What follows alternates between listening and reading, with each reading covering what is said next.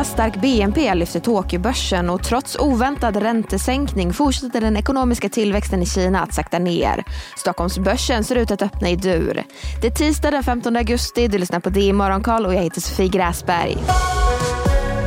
Ja, de ledande asiatiska börserna pekar åt lite olika håll efter att vi på morgonen fått in färsk makrodata från både Japan och fastlandskina. Vi börjar i Japan där Nikkin är upp 0,8 procent efter att Japans ekonomiska tillväxt visar sig betydligt snabbare än väntat.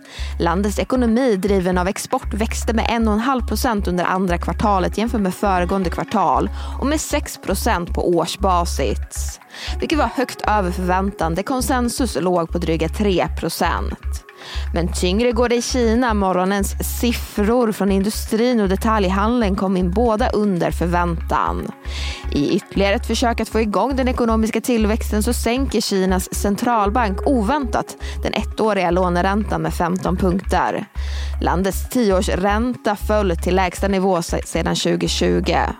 Och gårdagens stora förlorare, fastighetsjätten Country Garden, rekylerar något och upp dryga 1% efter gårdagens tvåsiffriga tapp på en annars sur Hongkongs börs.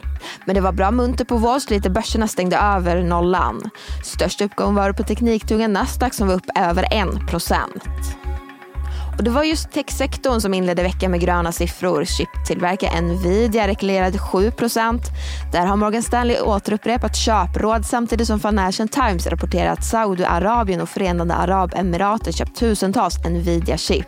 Enligt källor till tidningen ska Saudiarabien köpt chip för värde av 120 miljoner dollar. Stålbolaget US Steel rusar tvåsiffrigt efter uppgifter om att bolaget nekat en uppköpsförfrågan. Senare på kvällen kom ytterligare ett bud som fick aktierna stiga ännu mer. Men sämre såg det ut för elbolaget Hawaii Electric som pekats ut som skyldiga till bränderna på ögruppen. Det är ännu oklart om bolagets utrustning orsakade branden men det ses som en möjlig antändningskälla då elen inte stängdes av trots hög brandrisk. Aktien föll dryga 30 procent. Och ett fjärde åtal väcks mot USAs tidigare president Donald Trump. Det är efter misstankar om att Trump och hans medarbetare under 2020 försökte påverka valresultatet i Georgia.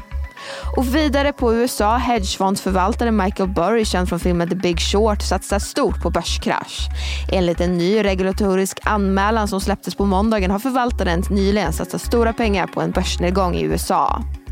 Och på andra sidan Atlanten kan vi notera att den ryska rubeln handlas återigen under 100 mot dollarn. Ryska centralbanken överväger i ett desperat drag att försöka stärka rubeln att höja räntan.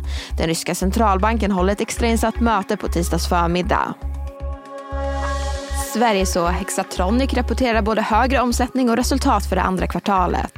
Den organiska försäljningstillväxten landade på 7% och bolaget höjer samtidigt ebitda-marginalen till 17,9% En hel procentenhet över tidigare siffra.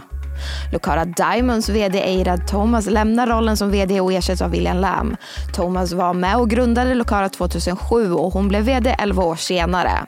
Då hon efterträdde just William Lam som var VD mellan 2011 och 2018. Och oljebolaget Africa Oil släppte rapport sent igår. Resultatet landade på 107 miljoner dollar, ett klart bättre resultat än samma kvartal i fjol. Och ovanligt många varsel, fler söker till Arbetsförmedlingen och färre får jobb. Det visar julisiffrorna från Arbetsförmedlingen. Och för första gången på länge så sjunker inte arbetslösheten. Men det var allt för den här nyhetsuppdateringen. Missa inte Börsmorgon kvart i nio som sedan släpps som podd. Det är Morgonkollet tillbaka igen imorgon. Jag heter Sofie Gräsberg.